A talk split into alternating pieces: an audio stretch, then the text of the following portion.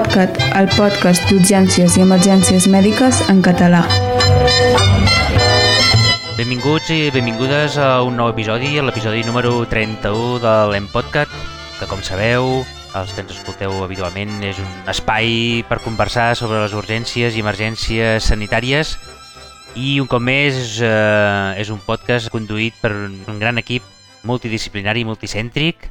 Per un costat tenim eh, l'Albert. Hola Albert, què tal, com estàs? Hola, bon dia, bona tarda, bona nit, bon el que s'escaigui. Fes-nos una mica de presentació teva i, i després em presento jo. Va, jo sóc l'Albert Oms, sóc un infermer d'urgències i emergències, avui molt perjudicat perquè he tingut guàrdia nocturna.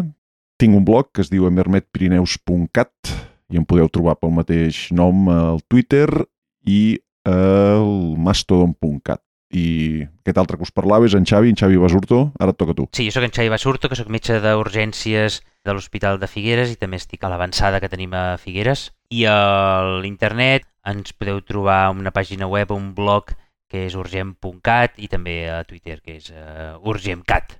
I també ens podeu trobar aquests episodis que anem fent de l'Empodcat, podeu fer-ne un seguiment en el blog de l'Empodcat i també a través de Telegram, que tenim un grup de Telegram o un canal de Telegram que hi anem posant no? material i anem fent uh, diferents uh, converses entre la gent que els interessa el tema, que si entreu, mireu, hi han coses interessants i déu nhi la gent que tenim, no? que hi ha una cinquantena de persones, Albert, que ens va no, ara ja, ara ja anem a la vuitantena. Arribem, no, no arribem a 80 per... Avui 79. Descontem el robot 78. Molt bé, molt bé. Doncs pues això, que ens podeu seguir a, través de la pàgina web, de tots els dispositius que hi ha per escoltar podcasts i després també a través del Telegram. Què més? Uh, no sé si ens deixem alguna cosa o ja podem anar per matèria, Albert? Ah, podem anar a treballar, a treballar. Avui l'Albert eh, ens presentarà un tema molt interessant que d'entrada fa un miqueta de yuyu, que es diu els trasllats massius. Trasllats massius en tren. És això, Albert? Estàs segur que no t'has equivocat del, del nom? No, no. En tot cas podria haver-me equivocat de segle, però això és una altra història. De tren i ja veurem. Si ens dona temps, potser d'alguna cosa més. Doncs pues vinga, va, comença. Què ens has d'explicar d'això? Començo explicant una mica d'història.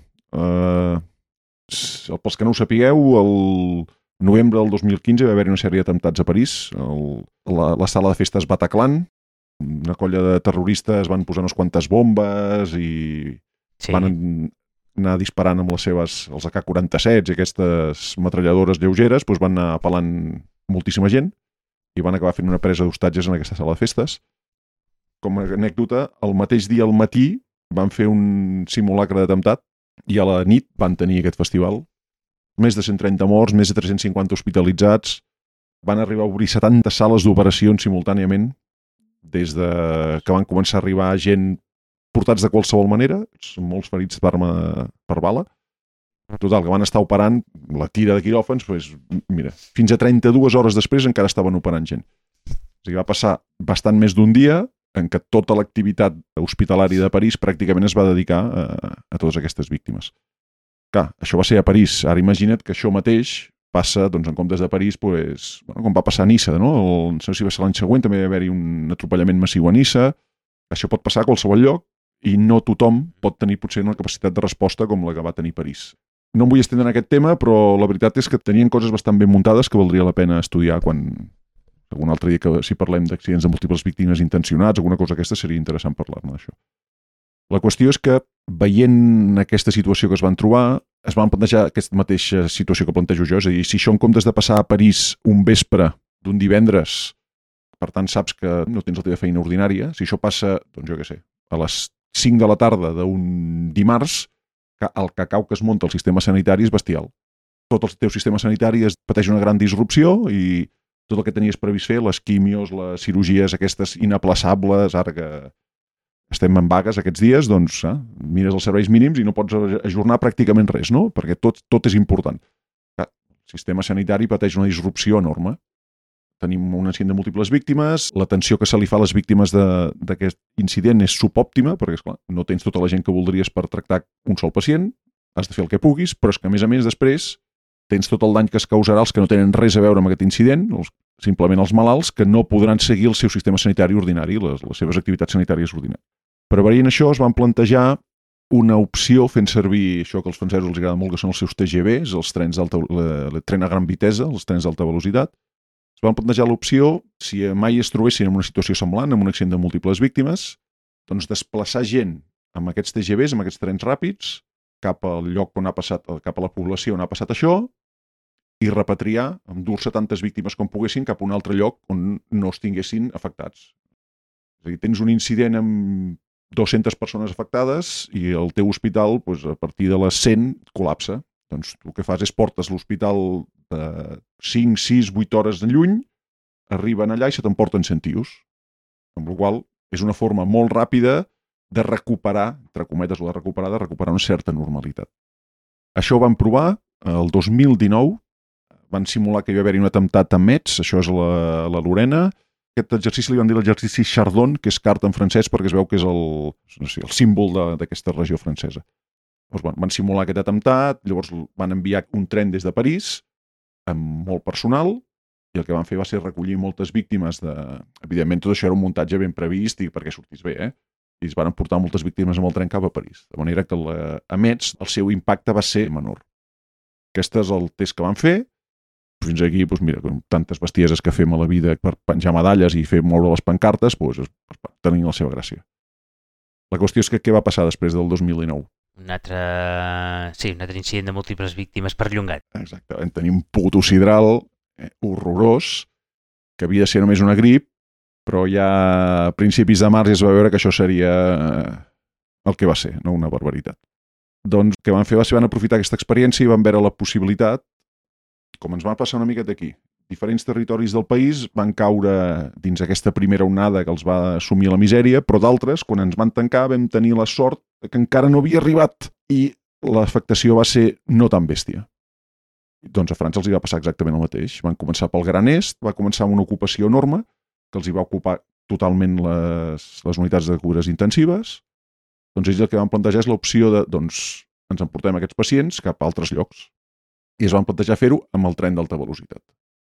A més a més, de tots els mètodes que hem fet tots durant l'etapa aquesta del Covid, no? ambulàncies, helicòpters, aquí també ho van fer. És a dir, la forma ordinària, doncs des de Còrsega van enviar gent a Marsella amb ferri, des de no sé on també de l'est de França van enviar gent amb helicòpter a Alemanya, doncs això es van anar fent.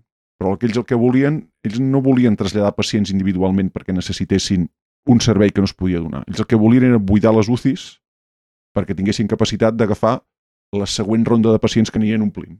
Sabem això una miqueta com va anar. Eh? Va començar sent 2, 4, 8, eh, us en recordeu. Eh? Tots, tots els que ho hem passat ja sabem de què va el pastel aquest. La idea, ja us dic, no era tant el benefici del pacient que es traslladava, que també, sinó... Sí, pels, pels futurs o per la resta de la societat que estaven vivint allà encara, no? no... Exactament, és a dir, és perquè l'hospital que ja estava a patar doncs no hagués de tancar la porta i els següents que arribessin doncs ja no se'ls hi pogués oferir el servei. En total van fer 10 trens, van començar el 26 de març i l'últim tren el van fer el 10 d'abril. Aquí no recordo quin dia van tancar a França, però devia ser més o menys semblant a nosaltres, per tant, ja devien portar el 10 d'abril i podien portar 3-4 setmanes de tancament d'aquell confinament tan divertit que vam passar. Eh? Us en recordeu, allò quan sortíem al carrer i no hi havia ningú, que només veies els senglars, acollonant, eh? va ser un moment... Buah. Sí, sí. Total, van fer aquests 10 trens per transportar 200 pacients és a dir, amb aquests 10 trens, en total van desplaçar vora uns 200 pacients. El recorregut més llarg que van fer va ser 950 quilòmetres, van estar 7 hores dins el tren. Perdó, 7 hores de viatge dins el tren, perquè ens fem una idea de, de quina mena de trasllats estem parlant. Això no és agafar l'ambulància, jo que sé, a Olot i baixar el Trueta. Estem parlant de serveis llarguíssims, no? Perquè a quants hospitals van derivar? Eren a quatre hospitals o, o, o repartien per tota França? Per tot França. Després explico com estava organitzat això perquè és la part, segurament és la part més important, perquè això, la, la part espectacular és el tren. Però el tren no deixa de ser un vector, no deixa de ser una forma de fer la feina. Que aquí mola perquè és un tren d'alta velocitat, saps? Això mola, però això... Mira, d'aquests 10 trens que tinc aquí una taula, 6 van sortir de París. És a dir, París va haver de treure 6 trens. Uh -huh. Sí, 6 dels 10, no? 6 dels 10 van sortir de París. 6 dels 10 van sortir de París. A Bordeus, per exemple, n'hi van anar un parell, a Brest, allà a la Bretanya, també, des de París, també hi van portar gent. D'Estrasburg també van sortir un parell que van acabar una una Nantes, vull dir que ens fem una idea, doncs van desplaçar gent per mig França. El trajecte més curt, 350 quilòmetres, i el més llarg, aquest de 950, d'Estrasburg a Bordeus, parant a Futuroscop enmig. Ja us dic, és un festival, això. És un festival al tren, però és un festival el que comentaves tu. És a dir, a quants hospitals van anar? El primer, el més important era triar els pacients que es podien traslladar. Clar, estem parlant de fotre gent fet una bírria, estan a la UCI, que es calzi 7 hores de tren. Més l'ambulància per anar al tren, més l'ambulància per sortir del tren. Estem parlant de trasllats infames. Es transportaven pacients intubats, evidentment tots greus, però no excessivament greus. Per exemple, gent que anava més de no recordo quants mil·lígrams de noradrenalina, o sigui que tenien una certa inestabilitat hemodinàmica, no es podien traslladar. Gent que anava amb teràpia de substitució renal, que anaven amb hemodiàlisi o hemodiafiltració, doncs tampoc se'ls podia traslladar. Gent que se'ls havia pronat les 24 hores anteriors, tampoc se'ls podia traslladar. Gent que necessités una FIA 2 per sobre de 60, tampoc se'ls podia traslladar. I una cosa molt tonta, si pesaven més de 100 quilos, tampoc se'ls podia traslladar. En aquest cas, per una dificultat física de moure. I, evidentment, calia que les famílies estiguessin d'acord amb traslladar els pacients. Famílies que, evidentment, no estaven als hospitals, que s'havia de contactar amb ells per telèfon, o sigui que era... la tria de pacients ja era complicada. Tots intubats, eh? Tots amb ventilació mecànica. Tots intubats. Era l'època en què fer BNI no era una opció. Si us en recordeu, al principi, avui la BNI no es podia fer perquè allò era escampar virus, és a dir, quan fracassaven respiratòriament, que normalment els haguéssim tirat endavant amb, amb BNI, amb ventilació no invasiva, tema parlat també un altre dia d'aquests, doncs els, els intubàvem, no? Això era aquesta època. Estàvem dient que triar els pacients ja era un merder, però és que triar els hospitals que havies de buidar, també. Quin hospital s'havia de buidar? El que estava més fotut, però si el que estava més fotut estava molt lluny de l'estació de tren on els havien de ficar dins el tren, hòstia, com ho fèiem? Llavors això era bastant complicat. I a més a més, per una qüestió d'organització que explicarem després, s'havien de bellugar els pacients de 4 en 4. Després explicarem el per motiu d'això. Què passava amb això? Doncs, doncs que justament costava triar els llocs, costava triar els pacients, els havien triat la nit anterior, quan arribaven al matí per traslladar-los, algun d'aquests ja no era traslladable, amb la qual es van acabar creant gairebé llistes d'espera, és a dir, si l'hospital en tenia quatre que podia traslladar, en tenia quatre i un de reserva, per si un dels quatre que havien triat per traslladar doncs no es podia traslladar. Feu-vos una idea ja del, de la complexitat logística d'això. Qui se'n va, des d'on, i que tothom hi estigui d'acord. I potser el que és més més important és que això no havia de suposar un sobreesforç a l'hospital que ja estava afectat. És a dir, aquests llocs se'ls anava a ajudar. No podies comptar amb ells per res. Eres tu, el, entre cometes, el salvador que anaves allà a treure'ls la gent. Per tant, tota la missió es feia sense comptar amb els recursos locals. I tot s'havia de portar de fora, el personal i l'equipament. L'única cosa que es feia era posar les ambulàncies per recollir la gent, personal i l'equipament que portaven a l'estació, diguem-ne, de sortida de la missió, és a dir, arribaven amb el tren des dels seus llocs d'origen cap a l'estació on començava la missió. La gent aquesta els recollien els, les ambulàncies locals i anaven amb convois de quatre ambulàncies per anar a recollir els pacients i portar-los al tren. Eh, tot l'equipament el portaven la gent dels hospitals on acabarien aquests pacients després. I això és una gran diferència. És a dir, nosaltres, el nostre servei de transport sanitari és, entre cometes, independent dels hospitals.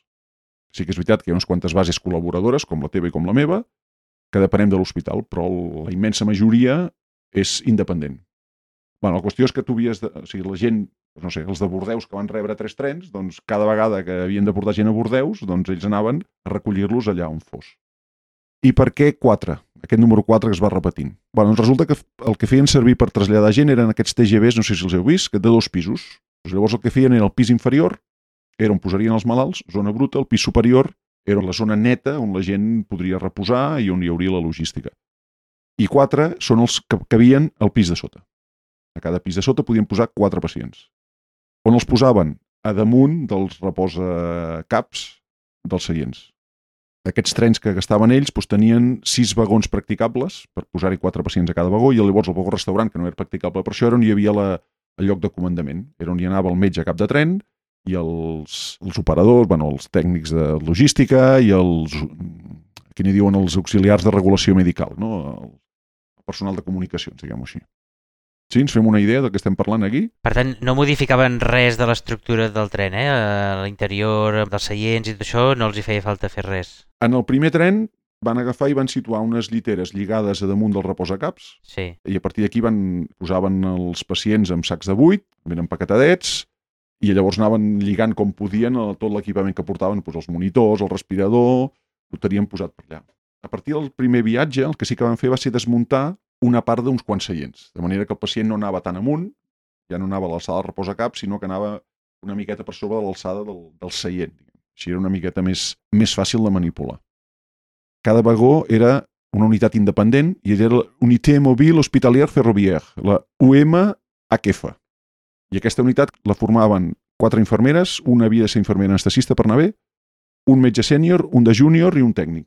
Cada hospital que havia de rebre pacients aportava al tren aquest personal, amb l'equipament necessari. Equipament necessari doncs, per cada pacient era un ventilador, un aspirador de secrecions, un monitor multiparamètric, d'aquests que tenim per monitoritzar els pacients, quatre bombes de perfusió per cadascun i la previsió farmacològica que tu fessis una idea que podries necessitar per 12 hores de viatge. I els del tren, els, el, diguéssim, el, que és l'organització del tren, posava les bombes d'oxigen, que hi ha una foto, i si no n'hi ha 100 bombes d'oxigen de 5 litros, doncs és que n'hi ha 80. Bé, però és que si tens no sé quants tios ventilats, eh, 10 hores... Us imagineu-vos això? Jo no sé quantes bombes d'oxigen tens al teu, portàtils tens al teu servei, però és que no sé, no sé d'on les van robar, la veritat.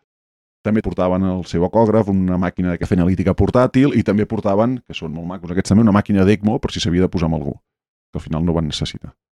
I per manegar tots aquests pacients i tota aquesta barbaritat de trastos, portaven una vintena de socorristes, bombers, eh, tècnics voluntaris, eh, agafaven pues, la Creu Roja d'allà, doncs aquests ajudaven a carregar i descarregar els pacients i a fer, pues, a fer de, de senyors dels encàrrecs. Perquè això d'entrar de, i baixar els pacients era, imagineu-vos, jo penso en el tren i penso en aquelles portes que s'obren i entren i surten quatre persones alhora. No, no, aquí eren, són les portes aquestes estretes d'aquests trens, portes que una persona passa, però dues no. Doncs imagineu-vos entrar algú que és ve amb un paquet que deu pesar... Doncs imagineu-vos el que és entrar-lo. Sí, és que... I a sobre amb aquests trens de dos pisos, clar, no només l'entres dins del tren, després l'has de baixar al pis de baix, per escales, passar per entremig aquell passadís estret, que quasi és més estret que el passadís d'un avió, i llavors col·locar-lo en aquestes lliteres que hi ha damunt dels seients. Un merder. Bueno, els socorristes, doncs ja que van fer va ser una... És molt divertida la foto, aneu-la a veure, si podeu, al meu blog, perquè és molt divertida el que feien era, dos d'aquests socorristes es posaven així a quatre grapes i li fotien el pacient a sobre. I llavors aquests anaven fent el suport perquè els altres, des dels costats, poguessin anar manipulant la llitera i anar-la avançant fins a portar-la al lloc. Això per cada pacient. Només se'n podia entrar una a l'hora. Clar, una a l'hora per vagó. Això es feia simultàniament a sis llocs diferents. Aquestes 20 persones que tibaven de llitera doncs, s'havien de repartir, clar, unes quantes a cada vagó. Tres o quatre a cada vagó. Estaven entre una hora i mitja i dues hores per completar el tren i poder sortir. Clar, llavors, un cop l'has posat per la teva llitera, llavors has de deixar endreçadet. Clar, tot està allà de qualsevol manera, doncs has de posar el monitor aquí, les bombes allà, perquè tu estaràs allà moltes hores dins aquest tren i l'has de tenir endreçadet perquè l'hauràs d'anar cuidant. Fixa't el detall, de 90 a 120 minuts per entrar al tren i el mateix per sortir. Ep, això és el transfer des de l'ambulància fins a dins del tren. Primer has anat amb l'ambulància a l'hospital de sortida, l'has empaquetat, l'has ficat a l'ambulància amb aquest comboi d'aquestes UM AQF, no? que tu van els dos metges més les quatre infermeres, no? llavors tens un comboi de quatre ambulàncies, eh, dues que van amb metge i infermera i les altres dues que només van amb infermera i totes juntetes, fent el caminet, fins a arribar a l'estació. I a l'estació, au, vinga, a bellugar. No sé com ho veus, però això és un merder. Sí, sí, sí. No... I el mateix passava quan es descarregava. Clar, arribaven a l'estació, doncs a la Bordeus, de l'estació de tren se'ls havia de portar als seus hospitals de destí amb el tren que, per exemple, em sembla que el tren que, que tinc aquí posat d'exemple va acabar a Bordeus, doncs dels sis vagons, quatre els portaven al SAMU de Bordeus. Els altres dos, el 92 i el 95, que no sé d'on són. Els de Bordeus se'n van quedar 16 i els altres dos SAMU se'n van emportar quatre cada un. Els havien de descarregar, carregar-los amb ambulàncies o un helicòpter, o fins i tot hi haver-hi uns que van fer això mateix del tren, ho van repetir després amb un bus per anar a l'hospital seu, és a dir, van descarregar quatre tiros, en fotre amb un bus, el mateix, el mateix muntatge, i del bus cap a l'hospital. Al bloc mireu també la foto, que és l'estació de Poitiers, és una estació, diguéssim, a, a l'aire lliure. Van desmuntar les branes que separen l'andana de l'estació d'un camí del costat per ficar-hi les ambulàncies. O sigui, això, quan ho pensava, llegia això, pensava, mare de Déu senyor, quin merder. I, I tot això ho tenien previst prèviament o no? O va ser totalment improvisat, tota aquesta història? Part del muntatge l'havien fet quan van preparar aquest exercici del, de Mets, de l'atemptat terrorista, ja l'havien plantejat. Què havien d'endur-se, què hi havia d'anar cada tren. De fet, una de les coses que ja van detectar amb aquest exercici era la problemàtica de l'alimentació elèctrica. Hauràs d'endollar la corrent, tota aquesta maquinària electromèdica que porten. I no, no és pas poca, eh? jo he comptat així set aparells per malalt, o sigui, amb la qual necessites 28 endolls només per tota la maquinària del pacient, més les altres coses que puguin anar sortint. O sigui, estem parlant que has d'endollar 30 o 40 coses en un vagó. Els de les NCF devien pensar, i això com ho fotrem? Simulacre aquest de Mets, creus que ja estaven... ja, ja havien previst eh, poder eh, transportar, no sé, 100 malalts, així amb tren i tot Bueno, de això, fet, o no? en el simulacre de Mets em van portar 90 no sé quants d'urgències relatives, que serien els grocs verds, que bé, dic, és tot inventat, eh? vull dir, en una situació real vés a saber. I em van portar 20 i tants d'urgències absolutes, no? els, els nostres vermells. He comentat això dels endolls, perquè clar, tot això que estic parlant ara és la part, diguem-ne, sanitària. Però imagineu-vos la part ferroviària d'això. S'ha de tenir molt clar quines línies tens que puguis fer passar quins trens. Us he explicat això, que tenien sis vagons practicables més el vagó restaurant, que això era del segon tren, això era un comboi de dos trens que anaven junts. El primer tren era el tren de les NCF, de l'operador ferroviari francès, que hi anaven els conductors de tren, evidentment, però hi anava tot de personal preparat per si sabia, el tren patia algun problema, poder-lo engegar de nou, hi anaven generadors extras per si es quedaven sense llum, o aquests moments tontos que tenen les línies de tren, que es veu que hi ha moments tontos en què el tren deixa de tenir corrent durant un parell de minuts, doncs portaven generadors extras per si es quedaven tirats, doncs poder donar corrent. És a dir, ja havíem previst bastant, no sé si tot gràcies a lo d'aquest exercici o després va sortir a base d'aquesta serendípia que tenim quan les coses es compliquen, doncs vam preveure moltes coses. I de fet, oita, si 200 pacients, 10 viatges, no se'ls hi va morir ningú, no se'ls hi va morir ningú a les 48 hores següents, Sí que després, evidentment, va morir gent, clar, amb 200 pacients amb Covid d'aquella ronda, doncs, tocaria que palmessin uns quants. I l'única cosa que van veure és que la PAFI des que van estudiar, no de tots aquests 200, la PAFI d'arribada era una miqueta més baixa que la PAFI de sortida. I sí que van tenir els seus lius, i van haver de reintubar un tio perquè se li va punxar el baló en hemotaponament, van haver de posar un catèter arterial dins el tren, amb el tren en marxa. Bueno, ho van poder fer bastant fàcil. Cosa tonta que m'ha fet molta gràcia llegir, vaig pensar, mira, uns conductors que no coneixen la fisiopatologia del transport, doncs a la primera missió van veure que hi havia bastants pacients que s'hipotensaven quan el tren frenava. Us sona? Els companys TES, això us sona? Us han estrujat el cervell per la fisiopatologia del transport, eh? que no podem anar molt de pressa, que no podem accelerar i d'accelerar. Doncs van haver de dir als conductors del tren que, que sí, que era una urgència, però que... Que si vas a 300 per hora no frenis de cop. Exacte, eh? que a poc a poc. Fins aquí, això que us he explicat, és tan merder que jo em plantejo, va valdre la pena? Val la pena fer això? Això, evidentment, és l'efecte uau, no? Quan veus això dius, uau, però paga la pena? I no ho tinc clar. No ho tinc clar perquè sí que és cert que és el muntatge, el merder és enorme, és gegantí, però d'altra banda, clar, l'eficàcia... O sigui, imagina't que avui estàs amb l'aigua al coll i demà has buidat. O sigui, tu imagina't que ets, eh, pues això, que ets el del, un d'aquests hospitals del Gran Est, d'Estrasburg, tens la UCI a patar, no, la UCI teva, la UCI més la UCI inventada més la segona UCI inventada a patar, i d'urgències tenen 10 tios més que han de pujar. Això és catastròfic. El dany moral que representa haver d'agafar i dir aquest, aquest morirà, això es va haver de fer aquí. Aquelles edats que cada vegada preguntaves i a partir de quina edat te'ls volen i cada vegada era menys, cagava molt. Doncs pues imagina't això, imagina't que estàs havent de prendre aquestes decisions i l'endemà, cony, tranquils, tinc puesto. No sé, no ho tinc massa clar. Jo estic pensant, perdona Albert, amb, la, amb les famílies, perquè que se t'emportin el familiar no, a 500 quilòmetres, vale que potser aquella època segurament tampoc podies eh, desplaçar-te ni entrar a la UCI a visitar el teu familiar ni res, però... És el que t'anava a dir. És a dir, vale, sí, sí, ho entenc. 500 quilòmetres és horrorós, però és que tampoc hi podies anar. Quina era la diferència? Que si palmava allà te l'havien de portar de 500 quilòmetres. Perquè, clar, quan aquest senyor ja estava operatiu i es volia tornar, doncs segurament el tornaven a casa, des d'allà on fos, no? I l'altra cosa que també em plantejava és, d'acord, el muntatge de fer això és enorme, però com bellugues 200 pacients d'un en un amb els mitjans ordinaris, fer 200 trasllats, hòstia, o sigui, no tinc gens clar si això valia la pena o no. I una altra cosa que també em fa plantejar si això es podia fer o no, és que clar, això es va poder fer quan es va poder fer. El país parat. Per tant, tens tots els TGVs que tu vulguis, totes les vies per tu sol. És més, com que amb això tenien tot parat, va resultar que els, dels primers trens es trobaven que el tren arribava, doncs a la tarda vespre descarregaven, però que ja no podien tornar. I cony, el personal havia d'anar, anàvem justos de personal, tothom, no? Pues aquests tios els tenies, què, dormint i l'endemà havien de tornar amb un altre tren. Doncs hi va haver-hi una de les missions que van tornar amb l'avió del president. I ara jo penso, sí, clar, demà fem aquest liu i després el Falcon del presidente et, et torna a casa. Hòstia, que evidentment es van posar la pancarta, eh? però no ho sé. De totes maneres, també t'haig de reconèixer una cosa. Eh? Lo de fer servir trens no s'ho han inventat els francesos el 2019. Trens van ser dels primers mitjans de, de locomoció que es van fer servir per traslladar pacients ja fot més d'un segle, i ara, per exemple, Metge Sense Fronteres té un tren a Ucraïna que fa justament això. Tinc un tuit seu que parla de setembre de 2022 que diu que ja va llogant més de 1.400 pacients. Això de desembre de 2022, a saber quants n'ha llogat ara. És una eina, és una eina.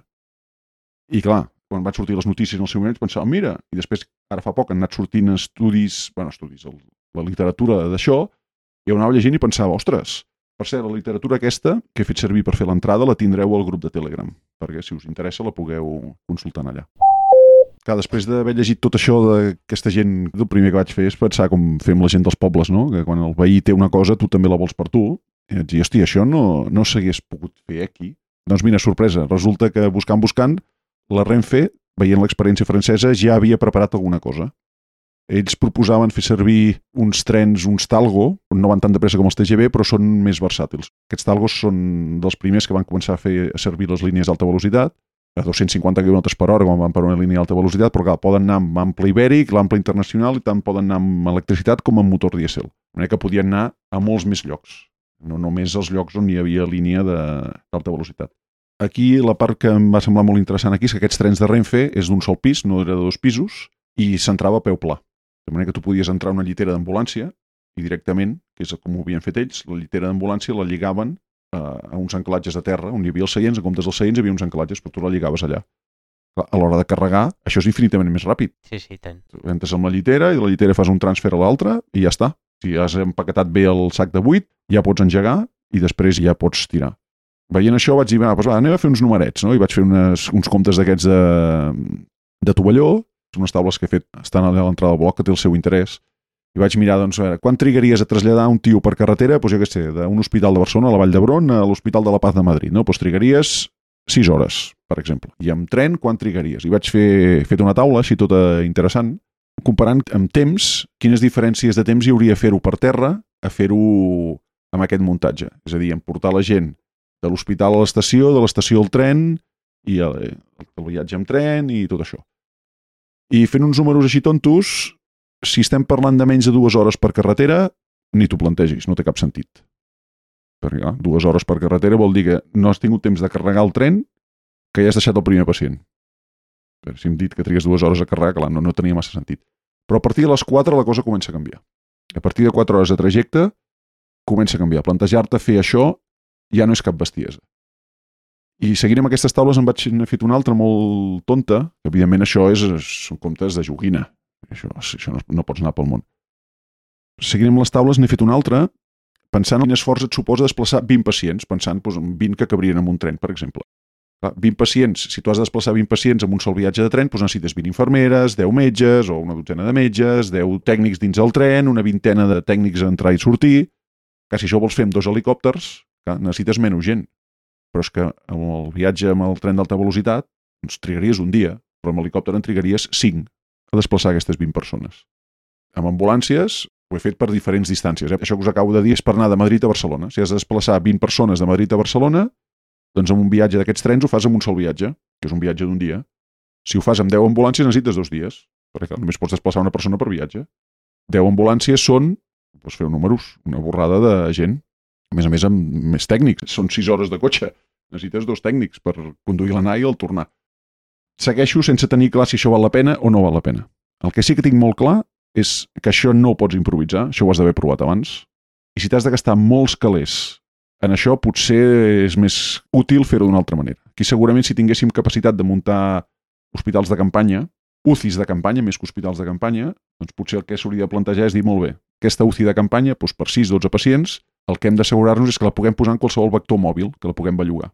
Si mai es planteja aquesta possibilitat, s'hauria de, de plantejar-los els gestors i, ep, ep, vale, però tot això ho podrem bellugar, ho podrem canviar de vector, ho podrem posar en un vector pues, en els trens o en un dels altres vectors que m'agradaria explicar-vos, però crec que avui anem molt passats de temps I si et sembla ho deixaríem aquí i potser en un altre episodi podria explicar l'altre vector en el qual es podria repetir aquesta operació que també van fer servir aquests companys francesos. Eh, jo tot això, home, si val la pena o no val la pena utilitzar aquest sistema de transport, se m'ocorreix pensar que segurament és com a últim recurs, no? Vull dir, si tu veus que sí o sí has de treure els mals d'un lloc perquè si no aquests o els següents es moriran, doncs necessites algun sistema. I, I si ja estàs fent servir ambulàncies i no dones la base amb les ambulàncies i amb un altre sistema i tampoc, doncs no queda més remei que si existeix això de, i està preparat i està pensat i dissenyat perquè es pugui fer el transport per tren, doncs sigui poc rendible o, si, o hi hagi un sistema millor, si és l'únic que queda,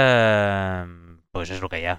Sí, però pensa que aquí, això si no ho has preparat abans, pot ser contraproduent. Perquè si fas això per alliberar i després resulta que et dona més feina que fer-ho pels mitjans ordinaris, has perdut. No, no, clar, si, si treus professionals d'un hospital per anar a buscar a 500 quilòmetres uns altres malalts i mentre els professionals van i tornen poden estar 48 hores sense fer res més que això.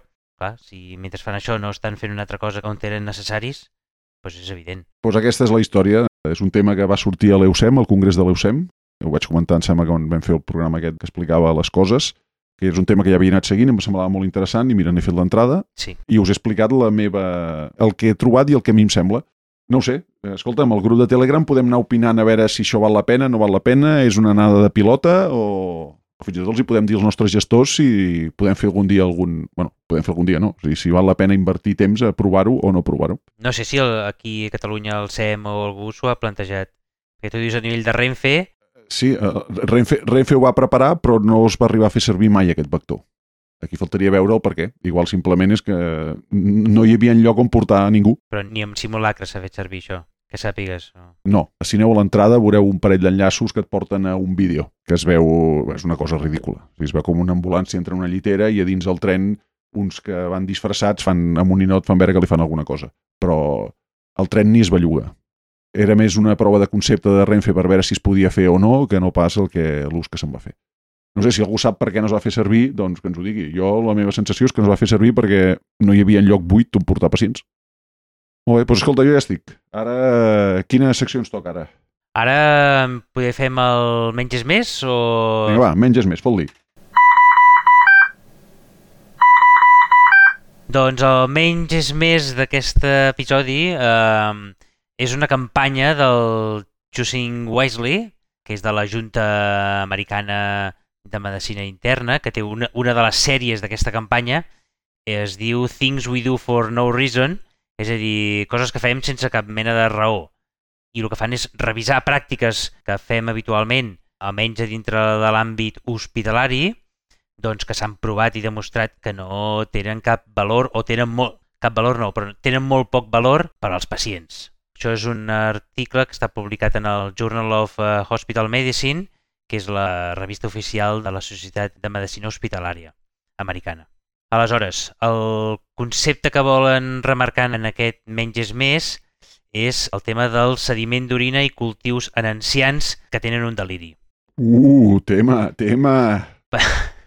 perquè sabem que el deliri és la raó més freqüent per la qual es demanen eh, sediments en pacients ancians. Aleshores es pregunten, ja, això que fem sempre, cada dia, amb la majoria de malalts eh, ancians amb deliri, que és dir sí o sí s'ha de fer un sediment d'orina, ells ho tenen com a coses que fem sense cap mena de raó. Val? Aleshores, la cosa es basa en que la infecció d'orina sí que és una, és una patologia freqüent en gent gran, però és un 25% de les infeccions. No és un 70%, és un 25%. I només un 30% d'aquestes cursen amb deliri, poden fer un deliri. Per tant, el deliri és una manifestació molt inespecífic d'infecció del tracte urinari. El deliri pots tindre per mil raons diferents i la infecció del tracte urinari no és ni de molt bon tros la infecció més freqüent en els ancians. És només un 25%. Aleshores, per què pensem en un pacient de 80 anys que està en deliri, per què pensem sempre amb la infecció d'orina? Doncs, eh, pel que expliquen aquí, la raó pot ser que el concepte de la bacteriúria sintomàtica, que és molt freqüent. Aleshores, la bacteriúria asimptomàtica és un sediment patològic o un cultiu amb més de 10 elevat a 5 unitats formadores de colònia positiva, però sense una clínica mínimament compatible amb una infecció d'orina. Això és una bacteriúria sintomàtica. I és freqüent. En persones de més de 60-65 anys estem parlant que un 5 o un 10% tenen bacteriúries asimptomàtiques. I hi ha en pacients que estan en, en residències, en, en centres de llarga estada, aquesta prevalència ja pot ser el 50%. Per tant, això, afegit a que és un diagnòstic que ho diagnostiquem de forma molt fàcil i molt ràpida, només hem d'aconseguir una mínima mostra d'orina d'un pacient i al cap de 10 minuts eh, ja tenim un resultat que es llegeix de forma molt fàcil. Això de fàcil i ràpid, l'orina, compta, eh? Perquè és molt fàcil de demanar, però si la persona no està gaire centrada, l'has d'acabar obtenint per mitjans una mica cruents, Sí, sí, sí. que suposo que és el que ens parlaràs ara, de les conseqüències de fer-ho. Uh, sí, jo dic que és ràpida. Com a mínim, mira, ara te diré que, que, és, que és fàcil pel metge demanar-ho. Molt, molt. Pel metge és molt fàcil, dic, hòstia, què fem? Uh, tinc un pacient amb 80 anys amb un deliri, bé, doncs descartem que no sigui una infecció d'orina. I, I és molt fàcil, eh, demanes i, i ja està. I al cap de X estona te donen el resultat i no has de fer ni un esforç per interpretar el resultat no és com interpretar una radiografia, un electro, que sí que ja necessites eh, posar-hi els cinc sentits. Jo rebré el resultat i me diran, doncs mira, 40 leucos, 1.000 bacteris i el cultiu pendent. Vale, doncs jo tinc un sediment patològic. I ja està, no m'ha sigut excessivament traumàtic per mi. Per l'infermeria i per al pacient, evidentment, eh? A més a més, o sigui, això ho fem servir molt també perquè tenim la necessitat de donar una resposta ràpida i començar un tractament ràpid amb un pacient que et sembla que pot estar escèptic, que té un deliri, no sé què, i tenim la necessitat de, de fer alguna cosa. Els professionals sanitaris esperar amb els braços creuats que allò se solucioni ens acosta molt tindre aquesta paciència. Per tant, tenim una prova que és un sediment d'orina, que és, entre cometes, fàcil d'aconseguir, fàcil d'interpretar i a més és, és relativament ràpid. Tot això fa que la bacteriúria sintomàtica l'hem associat immediatament a infecció d'orina i com que molts pacients d'aquesta edat tenen, tenen bacteriúria, ens sortirà un sediment patològic, doncs hem acabat associant que infecció d'orina i deliri estan relacionats.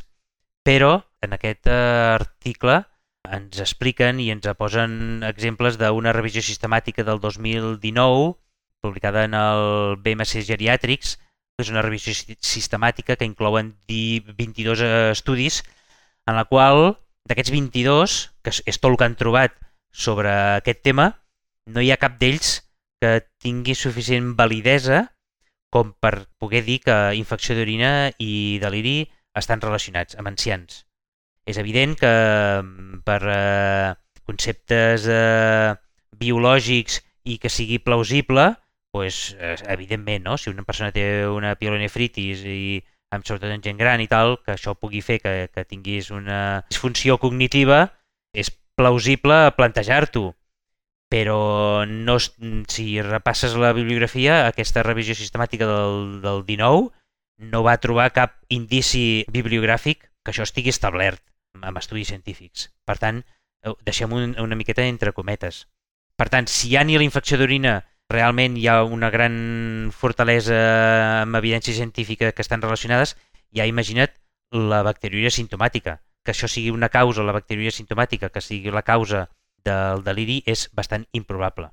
Aleshores, en aquesta menys és més, recordo el que passa quan utilitzem la bacteriúria sintomàtica per tractar aquests deliris amb, amb pacients d'edat avançada. Primera, que no aporta cap benefici perquè és molt probable que aquella persona no tingui una infecció d'orina i si la té no sigui el responsable d'aquest deliri que té.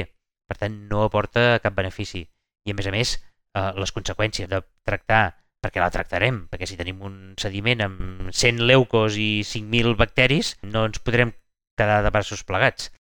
Ja has demanat una prova, tens un resultat patològic i ara has de fer alguna cosa. Aleshores estaràs tractant una infecció d'orina que no hi és i tindràs efectes secundaris que seran, per exemple, infecció per Clostridium, resistències bacterianes i efectes adversos de l'antibiòtic. A més a més, allargues la durada de, de l'estada hospitalària, els pacients ancians tindran pitjor recuperació funcional, a nivell de salut pública, el que hem dit abans, de les bacteris multiresistents, el cost econòmic i, molt important, faràs un, un tancament prematur del diagnòstic d'aquest pacient que està en deliri. Et quedaràs tranquil que ja has trobat la causa d'aquest deliri i t'estaràs menjant amb patates eh, una encefalitis, una meningitis, una pneumònia, mil històries més, una prostatitis, t'ho estaràs menjant amb patates i no li estaràs oferint a aquell pacient un tractament que el tens a tocar demà i que li podries començar ja, perquè t'has cregut que aquella bacteria sintomàtica és reflexe d'una infecció d'orina i que això és la causa del deliri. Una forma fàcil de donar l'alta, però no necessàriament de resoldre el problema. Exacte. I, evidentment, el pacient s'ingressa anirà malament i si el dones d'alta també. Aleshores, en aquest document ens recorden les indicacions de demanar un sediment d'orina i un cultiu amb un ancià amb deliri. Doncs només en cas que hi hagi sintomatologia d'infecció d'orina, és a dir, disúria, polaciúria, urgència miccional, dolor suprapúbic i punyopercussió positiva, dolorosa. O hi hagi una clínica d'infecció sistèmica eh, clara, no? que, tinguis, que estiguis amb febre més de 38, una leucocitosi clara o una inestabilitat hemodinàmica que pensis que sigui per una infecció. Serien les indicacions de demanar un sediment d'orina. I com a recomanacions finals, te diuen, val, amb enciam deliri sense signes locals d'infecció d'orina ni signes sistèmics d'infecció severa, no demanar un sediment ni cultiu d'orina. Per contra, què has de fer?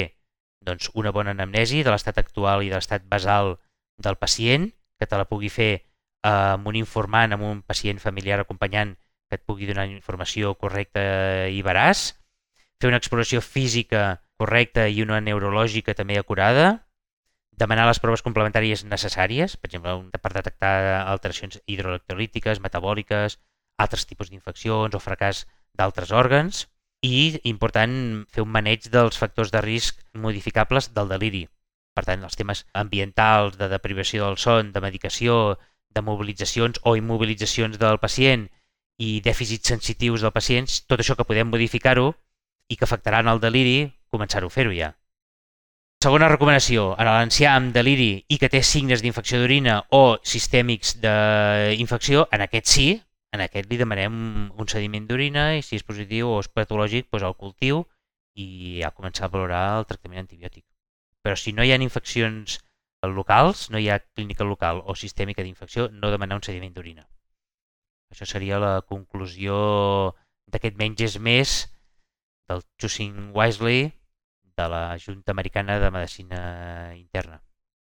Ho veus, ho veus clar, Albert? Hosti, un altre paper per imprimir i penjar al despatx dels metges. Sí, aquest seria important, eh? Se'ns acabarà la paret, eh? Sí, sí, aquest, eh, nosaltres en tenim un de similar que ja deia alguna cosa així, però tot i això costa molt, eh? Costa molt perquè anem massa a pinyó i massa a intentar resoldre ràpid, ràpid pacient i poder, amb el tema de les proves complementàries, jo penso que ens hauríem de posar les piles perquè fem les coses sense pensar-les.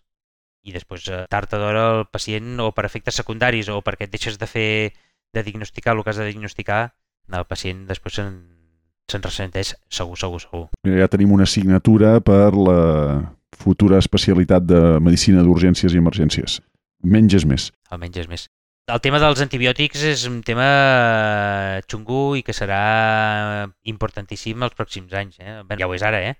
Però vull dir que cada vegada més amb les resistències dels bacteris això serà primordial tindre clares les indicacions, ja no dels antibiòtics, sinó de les proves que després ens aportaran a, a tractar amb antibiòtics o no, que és el primer que hem de mirar, penso jo. Doncs pues res, Albert, canviem de secció, fem els urgent mots? Vinga, anem als urgent mots. Tu tenies alguna cosa preparada o...? Doncs sí, resulta que fa poc, això estem gravant això al desembre, doncs resulta que al novembre l'Institut d'Estudis Catalans va presentar l'actualització del diccionari del DIEC i resulta que hi han afegit una locució que quan la sentis diràs això no hi era, no pot ser veritat. Resulta que hi han afegit la locució d'atac de cor. Atac de cor. Això no era el diccionari, eh? com a sinònim d'infart. Eh? O sigui, atac de cor, locució afegida el novembre del 2023, junt amb les altres paraules aquestes que afegeixen cada any. Jo em vaig quedar bastant sorprès i dic, ostres, això no hi era? Eh? Sorpresa. Trobes coses... Està guai, està guai, un atac de cor. Sí, sí. Bueno, és com tieta, que tampoc hi és al diccionari, eh? però això és un altre tema. Tieta. I tiet sí? No, tampoc, tampoc. Tiet, tieta no hi són. Ah, val. Oncle i tia sí, però tiet, tieta no. Polèmic el paraulògic amb això. Molt bé, molt bé. Però bueno, la, el mot que tenia, que aquest Mira, just té una miqueta a veure amb això que explicaves ara. Resulta que el xoc sèptic el produeix una sèpsia, no una sepsis. Una sèpsia. Llavors, això del codi sepsis, doncs eh, no, com molt bé està escrit a molts llocs, és el codi sèpsia. Veus, una d'aquestes cagades que feia sovint que s'ha d'arreglar. Sí, sí, aquestes les hem de sentir molt sovint perquè, clar, són tan similars al correcte de l'incorrecte que... mm, Sí, sí, jo també jo hi haig d'estar-hi molt atent perquè si no també la cago molt sovint, eh? I va, Xavi, quines tens tu, va? Jo havia fet un recull, tinc recollides 12, Hola! les dic ràpid, eh? Que fan referència als animals i a la vida vegetal. El regne animal i el regne vegetal. Però això és un podcast de medicina d'urgències. Sí, sí, tindran relació, tindran relació. Aviam, quan, sobretot amb els nens que veiem amb fractures així que es trenca una cortical només d'un costat i l'altre no, amb, eh, de forma incorrecta en podríem dir de tija verda, però hauríem de dir-ho de canya verda. Ah, caram. Una fractura de canya verda. Les fractures així que fan una, eh, que en castellà en diem de rodete o de canya de bambú, n'hem de dir fractura de rebava.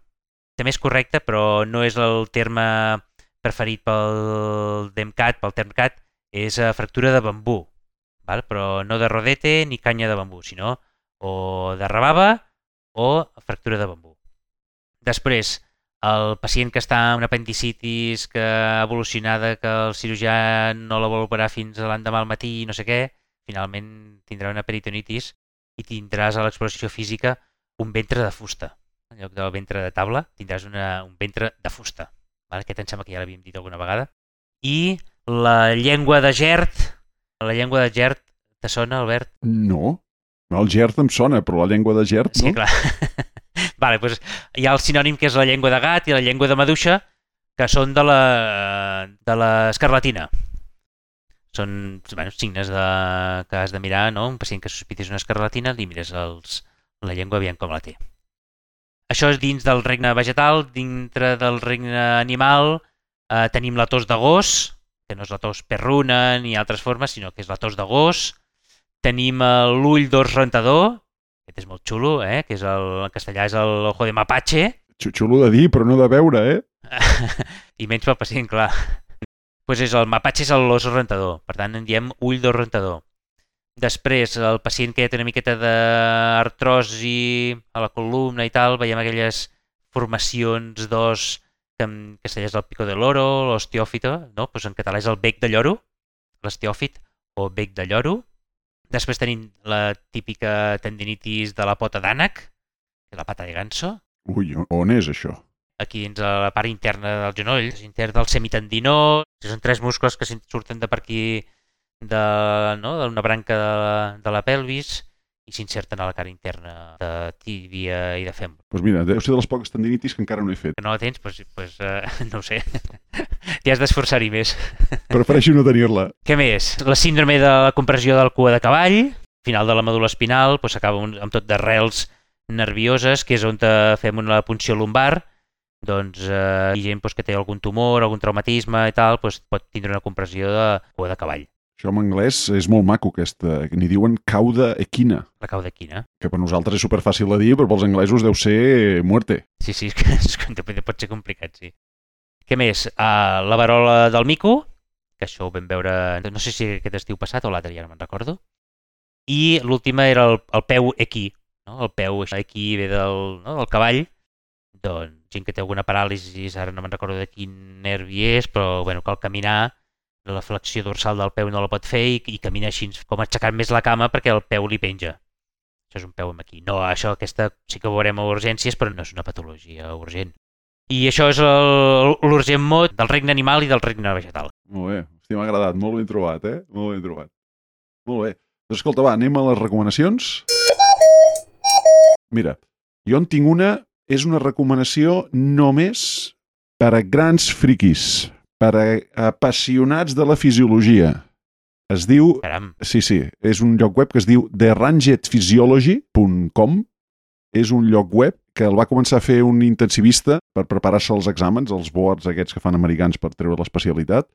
Qualsevol cosa que vulgueu saber de fisiologia humana desmanegada, dels que acaben a la UCI, ho trobareu allà. de fisiologia, sobretot relacionada amb la UCI, eh? Sí, Sí, sí. Evidentment és de lectura dura, eh? No espereu aquí... Eh? Els vídeos de TikTok de dos minuts de mm, pressió arterial invasiva, no espereu això. És de les de... Si has d'estudiar, aquí trobaràs moltes coses. Però això dic que és només per apassionats. Eh? Si us la porto una miqueta fluixa, doncs no cal que aneu a veure aquesta pàgina. Ja has dit que es deia com? The Ranget, Delta Echo, Romeo Alpha November, Golf Echo Delta, Physiology, en anglès allò, és Papa Hotel Yankee, Sierra, India, Oscar, Lima, Oscar, Golf eh, Yankee una altra vegada. .com. Molt bé. Jo tenia una recomanació també, que és una app que es diu Codi Blau, Code Blue. Et sona? No, no, no, no. Primera notícia. És una, és una app per controlar, per fer un control del, de quan estàs fent RCP, per controlar els temps. Què dius ara? Sí, és una app que te la tens instal·lada en el teu mòbil o la teva tablet. Hi han quatre cronòmetres. En una pantalla veus els quatre cronòmetres. El primer, quan comença el codi d'RCP, no? quan t'avisen de que un pacient està parat i tu vas cap al lloc, doncs ja li pots posar start i tu saps que els teus companys de la tango o de qui sigui estan començant a fer RCP un malalt i tu quan tu arribes aquell cronòmetre doncs ja està als 5 minuts, als 10 minuts i tal. Després tens un altre cronòmetre és quan tu comences l'RCP i allò va continuant. Després tens un altre cronòmetre que et diu cada vegada que tu fas una desfibrilació, li marques, li dius, vale, pum, faig una desfibrilació i torna a començar a zero el cronòmetre. Per tal de que cada dos minuts tu vas veient que allò, quan arriba a dos minuts, dius, ei, portem dos minuts de l'última desfibrilació, revisem ritme. I ho tens. I quan, cada vegada que marques desfibrilació, pum, això es posa a zero i torna a començar sol. I el mateix amb l'adrenalina. Cada vegada que tu li dius, pum, posa una adrenalina, es, es posa zero i al cap de 4 minuts, tu ja saps que ja portes 4 minuts i dius, vale, nova adrenalina, i li cliques adrenalina i es torna a posar zero i es torna a començar. I pots anar afegint-hi coses, no? de dir, pues, jo vull fer un seguiment de cada vegada que posi una intraòssia o la intravenosa o la sonda no sé què o que intubo no sé què, tots aquests events els pots anar registrant tota la medicació que puguis anar posant, el bicarbonat, el sulfat, la lidocaïna, si n'has de posar, la miadorona, no sé què, el pots anar posant. Els ritmes que vas trobant també els pots anar registrant. Amb la qual quan acabes, dius, vale, he acabat a la RCP i te pot fer un resum en cada minut i segon que has anat fent adrenalines, has anat fent desfibrilacions i quant de temps has fet RCP i quant de temps el pacient ha estat eh, parat, aturat a mi em sembla que em pot ser útil a l'hora de fer el registre a l'Ulstein, doncs que sempre estàs dient quantes adrenalines hem posat, quan no sé què, quan hem començat, vosaltres quan heu arribat, quan hem arribat nosaltres, el 3-4, no sé què, doncs tot això que és un cacao i segurament ho fem relativament bé, doncs en aquí pot quedar registrat i és fàcil d'utilitzar. No és gratuïta, jo em sembla que vaig pagar, no ho sé ara, eh, no sé, 2 euros o 3 euros o alguna així. Escolta, molt interessant, eh? I quan deies això que marca... Quan marques la desfibrilació o l'adrenalina, et pita els dos minuts? O tu ho has de mirar tu, eh? No, no hi ha un avís sonor d'això. No, tu vas veient el cronòmetre que va evolucionant i dius, hòstia, ja porto dos minuts i mig. Vale, doncs, nois, adrenalina, marques tu que li poses adrenalina i ell ho registra. I així ho veus molt clar, no? Si hi ha algú que fa de líder i pot anar controlant-ho, doncs ho veus molt clar en el marcador, si portes una adrenalina, en portes dos, quantes vegades he fet la desfibrilació... Gràficament queda bastant... Però bé, has d'estar pendent, eh? Has d'estar pendent dels números i eh, ho has d'anar mirant, clar. No, no, que jo, a mi, jo ho he fet servir un parell de vegades i que jo recordi no m'ha pitat. Molt bé, molt bé, molt interessant. Doncs pues això és tot, em sembla, Albert. No sé si hi ha alguna cosa més, però jo penso que ja podríem donar per eh, acabat el, aquest episodi de l'Empodcat, no? Doncs escolta'm, ens emplacem el mes que ve, el mes vinent, que ja serà l'any 2024. El 2024 tenim pendent fer la segona part no? dels trasllats massius o, o tenies algun altre vector per explicar-nos? O... Jo tinc més coses, però ja veurem, ja veurem. A veure què ens, què ens porta aquest nou any. Pues fantàstic, molt bé. Doncs apa, vinga, que vagi molt bé, la propera. Vinga, fins la propera. Adéu-siau.